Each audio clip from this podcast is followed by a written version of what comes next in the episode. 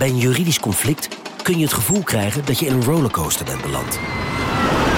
Je wereld staat op zijn kop en je bent de controle even helemaal kwijt. Dan is het fijn als je bent verzekerd bij ARAG. Daar werken topjuristen en advocaten die je begrijpen. Die een stap extra voor je zetten. En je het gevoel van controle teruggeven. Met kennis en informatie, met heldere uitleg en met gericht advies. ARAG, juridisch probleemoplossers. Wie reist met NS, reist net even anders. Wij reizen groen, zonder moeite te doen. Oh, zo kan je dus ook een dagje weg. En wij werken in stilte. In stilte? Nou ja, met oortjes dan. Oh. Zo gaan we iedere dag vooruit. Wij allemaal. Stap je ook in?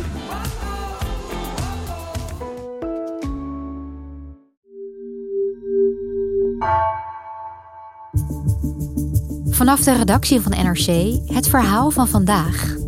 Mijn naam is Gabriella Ader.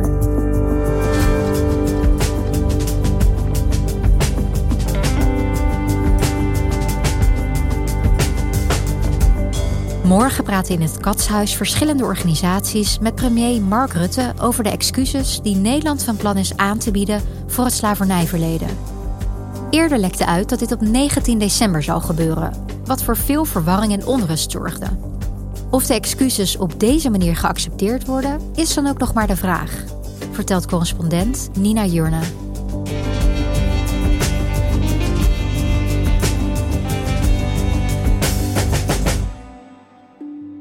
Eind eh, november kwam eh, de NOS met uitgelekt nieuws dat er op 19 december van dit jaar excuses zullen worden aangeboden door de Nederlandse regering voor de slavernij. En dat nieuws dat sloeg in als een bom. Ook bij veel nazaten van tot slaafgemaakten. Bijvoorbeeld ook bij Peggy Burkes. Zij is uh, beleidsmedewerker in de politiek. En ze is uh, 62 jaar en ze is uh, eigenlijk al heel lang met dit onderwerp bezig.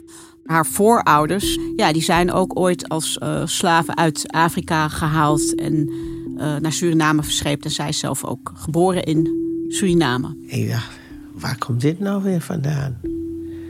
Ik heb bij iedere slavernij-dialoogtafel het afgelopen jaar gezeten. En ik heb geen moment het idee gehad dat we out of the blue zouden gaan horen... op 19 december gaan er excuses aangeboden worden. Wat ik zelf heel opmerkelijk ook vond bij dit... is dat het werd helemaal niet uh, rechtgetrokken. Er werd niks aan gedaan om zeg maar, die commotie uh, te sussen. Ik kan er niks over zeggen. Dit wordt pas bekendgemaakt, het wordt bekendgemaakt. En wat dan dit is, ziet u ook pas op dat moment. Dus het is steeds meer een eigen leven gaan leiden? Zoals het nu gaat, heb ik echt zoiets van... wie heeft dit bedacht? Hoe komen ze hierop? Waarom 19 december? En wat gaat er precies gebeuren? Waarom zo geheimzinnig doen erover?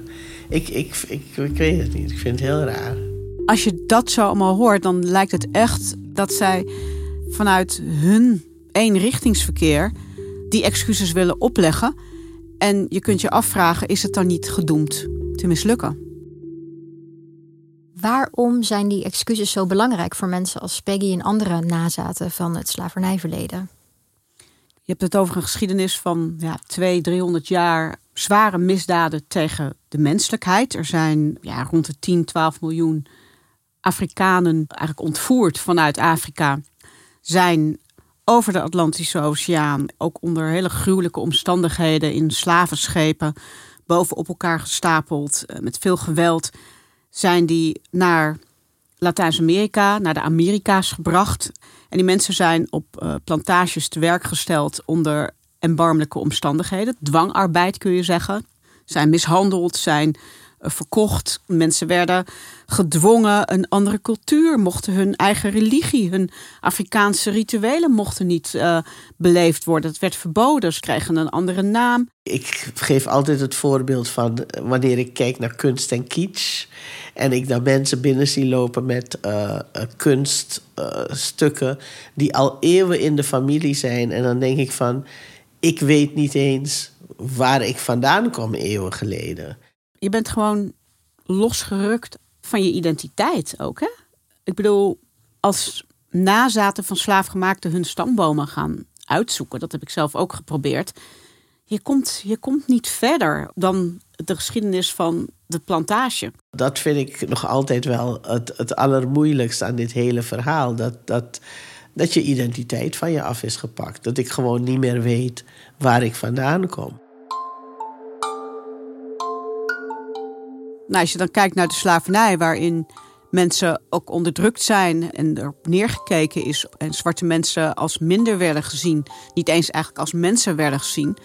En als je dat doortrekt naar het hier en nu, waar er nog steeds um, ja, negatieve, vaak stereotype ideeën en beelden zijn over zwarte mensen. Die ongelijkwaardigheid, het geloof dat de ene mens beter is dan de andere mens, racisme, discriminatie, dat is daar de wortel van. En hoe is die vraag naar excuses precies ontstaan? Het is een lang traject geweest. Um, ik woon al langer dan twintig jaar niet meer in Nederland. Maar ik herinner me dat toen ik hier nog wel woonde, dat je al groepen Surinamers had die op 1 juli, de dag van de afschaffing van de slavernij, Kitty Kotti in, in het Surinaams, hè, de ketenen verbreken, verbroken ketenen, dat op die dag ja, dat er al bijeenkomsten waren. Nou, dat is steeds groter geworden. Op een gegeven moment is er ook een monument gekomen in het uh, Oosterpark. En toen hadden de mensen ook echt een plek met een monument. En die herdenkingen zijn steeds groter geworden. En op een gegeven moment heeft dan al Amsterdam als stad uh, een groot onderzoek laten doen naar de eigen rol van de stad Amsterdam tijdens de slavernij. En Amsterdam heeft een belangrijke rol gespeeld, want die was op een gegeven moment mede-eigenaar ook van Suriname. In de Sociëteit van Suriname. Die bestond ook uit de West-Indische Compagnie, de familie uh, van Sommelsdijk en ook uh, de stad Amsterdam. En na dat onderzoek waar heel duidelijk eigenlijk uit bleek wat de rol van de stad Amsterdam in dat verleden was. Toen hebben ze besloten, wij gaan excuses aanbieden. En uh, heeft Femke Halsema dat gedaan. En ik weet dat dat heel goed is gevallen. Haar tekst, de hele manier waarop, met heel veel ja, kracht eigenlijk. Voor de actieve betrokkenheid van het Amsterdamse stadsbestuur bij het commerciële systeem van koloniale slavernij en de wereldwijde handel in tot slaafgemaakte, bied ik namens het college van burgemeester en wethouders excuses aan. Ja, en dan had je op een gegeven moment ook uh, de onderzoeken van de banken, de Nederlandse bank, de ABN Amro Bank, die zichzelf ook hè, gingen onderzoeken. Dus die hebben daar ook op een respectvolle en hele verantwoorde manier hebben ze daar ook op gereageerd op, op hun eigen verleden. En op een gegeven moment komt dan bij wat gaat de Nederlandse staat doen? Nou, dan is er een delegatie geweest uh, van de Tweede Kamer naar Suriname. Dat was augustus van dit jaar. Die zijn op een vrij lange reis Suriname en ook alle eilanden geweest. Hebben daar met organisaties gesproken. Hebben zich laten uh, voorlichten op de plekken waar de slavernij zich heeft afgespeeld. Nou, en na dat bezoek is Mark Rutte in september naar Suriname gegaan om zich ook te laten informeren door deze organisaties. En ik sprak Rutte toen ook en hij zei ook van ja, mijn visie is ook echt veranderd de laatste jaren over dit onderwerp. Besef bijvoorbeeld dat als je 150 jaar terug in de geschiedenis gaat, dat dat betekent dat eh, in families die verhalen nog doorgaan, niet meer als een voltooid verleden tijd, maar als een onvoltooid verleden tijd. En dat het natuurlijk bij 150 jaar, hoewel lang geleden en niemand meer leeft uit die tijd, dat wel degelijk een onvoltooid hoofdstuk is. Maar op een gegeven moment, en dat was ook echt een belangrijk moment, dat voor het eerst eigenlijk, en dan zijn we eind oktober, een Kamermeerderheid zich heeft uitgesproken voor die excuses. En ja, toen is echt gekeken van oké, er komen excuses, hoe gaan we dit dan nu aanpakken? Ja, dus politiek vindt er dan ineens nou, een flinke draaiplaats. Maar ik had begrepen dat uit onderzoek blijkt dat zes op de tien Nederlanders eigenlijk het nut niet snapt van die excuses. Waar denk jij dat het mee te maken heeft? Nou ja, ik begrijp het wel, want het is denk ik pure onwetendheid en ook een heel ja, gebrek aan empathie. Het is niet iets waar wij uh, zeg maar mee zijn opgegroeid hier in Nederland in het onderwijs. Dat maakt voor heel veel mensen geen deel uit van hun geschiedenis, van het, een collectief geheugen. Ik kan me herinneren met hoe mijn zonen op school zaten. Dat het hoofdstuk slavernij, dat was, was, stelde helemaal niets voor. Dus ik, in de tijd van mijn oudste zoon had, hadden vrienden van mij die hadden een soort uh, in de Belmer, waar die jongelui bij elkaar kwamen. En dan kregen ze een paar uurtjes uh, Black History classes. En dan werd ze dus verteld vanuit het perspectief van die zwarte geschiedenis van wat er gebeurd is. Nou, dat was voor hun heel belangrijk, want dat was de enige plek waar ze iets anders hoorden dan wat ze op school hoorden. We hebben wel de verhalen over de Gouden Eeuw en het idee van onze perceptie van de Nederlanders als overzeese helden. En hè, dat, dat is er wel helemaal, uh, die perceptie hebben we. Maar niet dat die helden een keerzijde hebben. Ja. En dan kun je natuurlijk moeilijk verwachten dat dan heel veel mensen zoiets hebben van excuses zijn belangrijk. Want het is iets van inderdaad ver weg uit een verleden.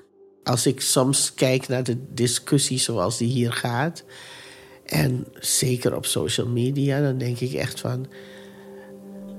Hadden die mensen maar betere geschiedenisles gehad op school en geweten wat er daar allemaal is gebeurd.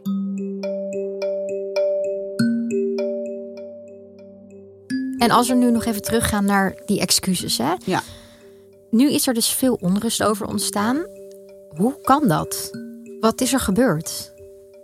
Nou, 19 december was sowieso al een datum waarin er een reactie zou komen van de regering op een onderzoek van de dialooggroep. En die dialooggroep, daar zitten allerlei verschillende mensen in die een advies heeft uitgebracht over de excuses. En daar zou een reactie op komen van de regering. En plotseling was die datum, 19 december, de datum dat er al excuses zouden worden aangeboden. En die 19 december is geen bijzondere datum. 19 december is ook heel snel. En wat je dan ook nog hoort, de verbazing bij de groepen die met dit onderwerp bezig zijn, zowel in Nederland als op de eilanden als in Suriname, die zeggen van ja, maar wij wisten van niks. Dit is helemaal vanuit Den Haag bedacht. Terwijl Rutte juist met die mensen om tafel heeft gezeten en er juist ook is gezegd van goh, het is belangrijk dat we daar ook over meedenken. Dat wij ook over de tekst meedenken van die excuses. En dat we ook meedenken over hoe dat vorm krijgt. Ze voelen zich heel erg buitenspel gezet mensen die, die zich hier heel erg druk over maken. Die zeggen van ja, het lijkt wel alsof dit weer een koloniale, hè, de, de, de kolonisator die bepaalt weer uh, hoe het moet. Zelfs met de excuses.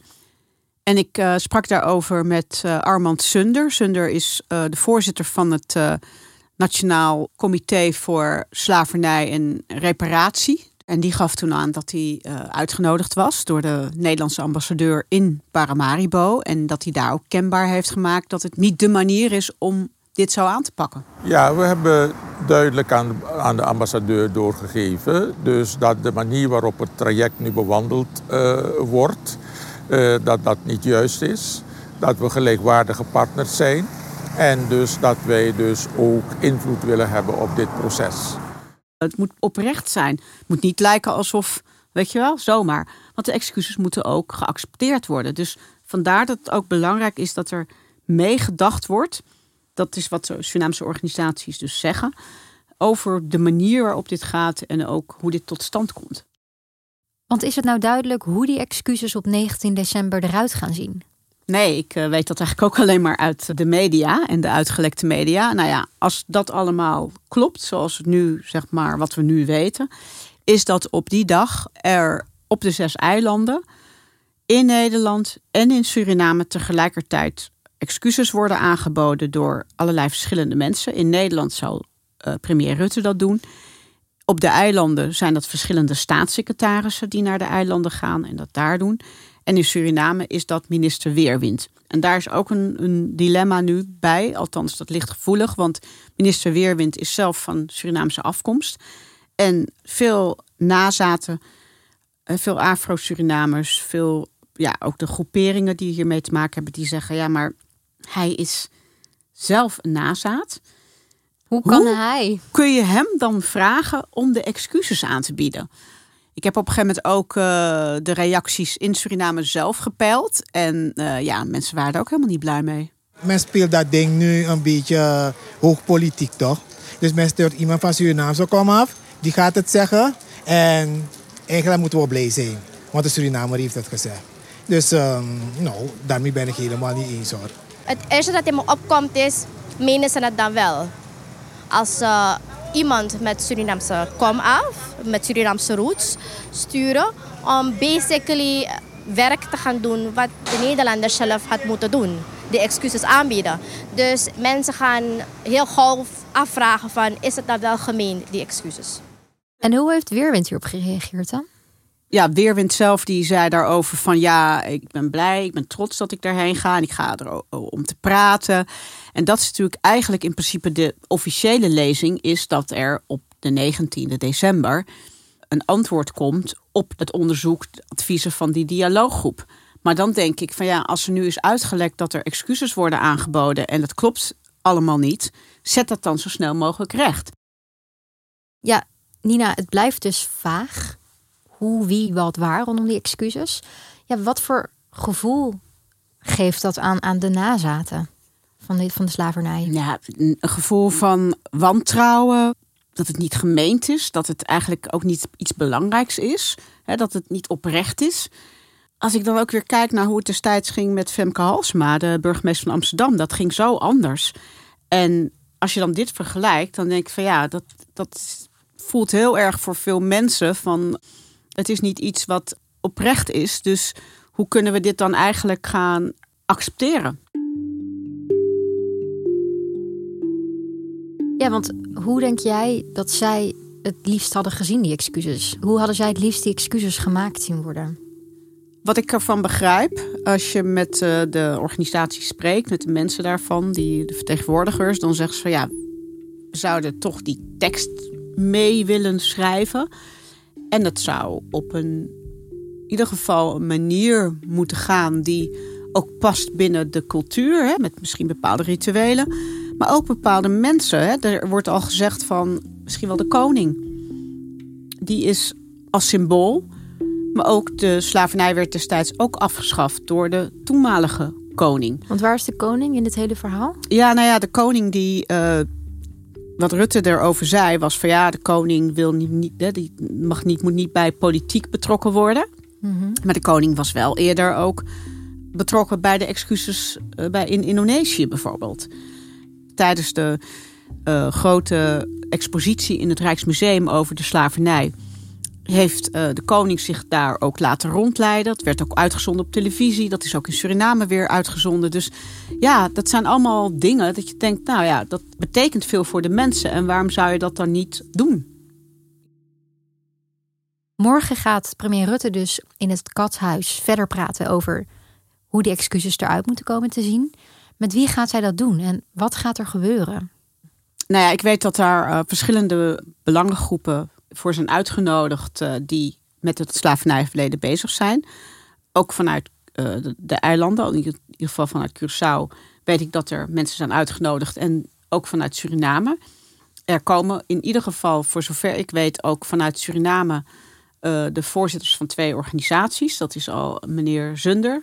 Maar daarnaast ook Johan Rozer. Dat is ook voorzitter van het Nationaal Comité Herdenkingsjaar Slavernij die is daar wel heel stellig in.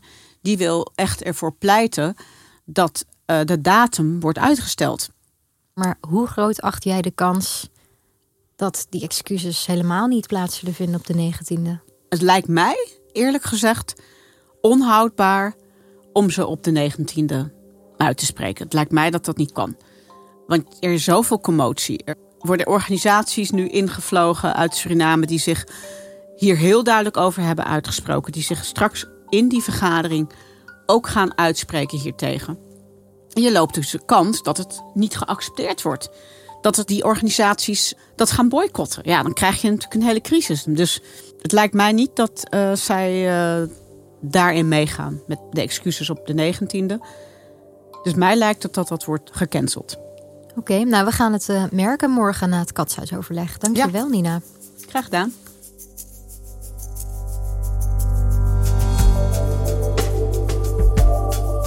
Je luisterde naar vandaag, een podcast van NRC. Eén verhaal elke dag.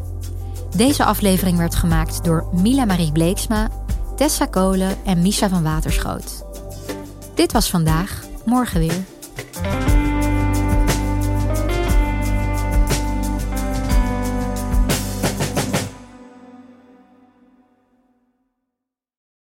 De financiële markten zijn veranderd, maar de toekomst, die staat vast. We zijn in transitie naar een klimaatneutrale economie. Dit biedt een van de grootste investeringskansen van onze generatie. Een kans voor u om mee te groeien met de pioniers van morgen. Meer weten? Ga naar carbonequity.com. Carbon Equity. Do good by investing better.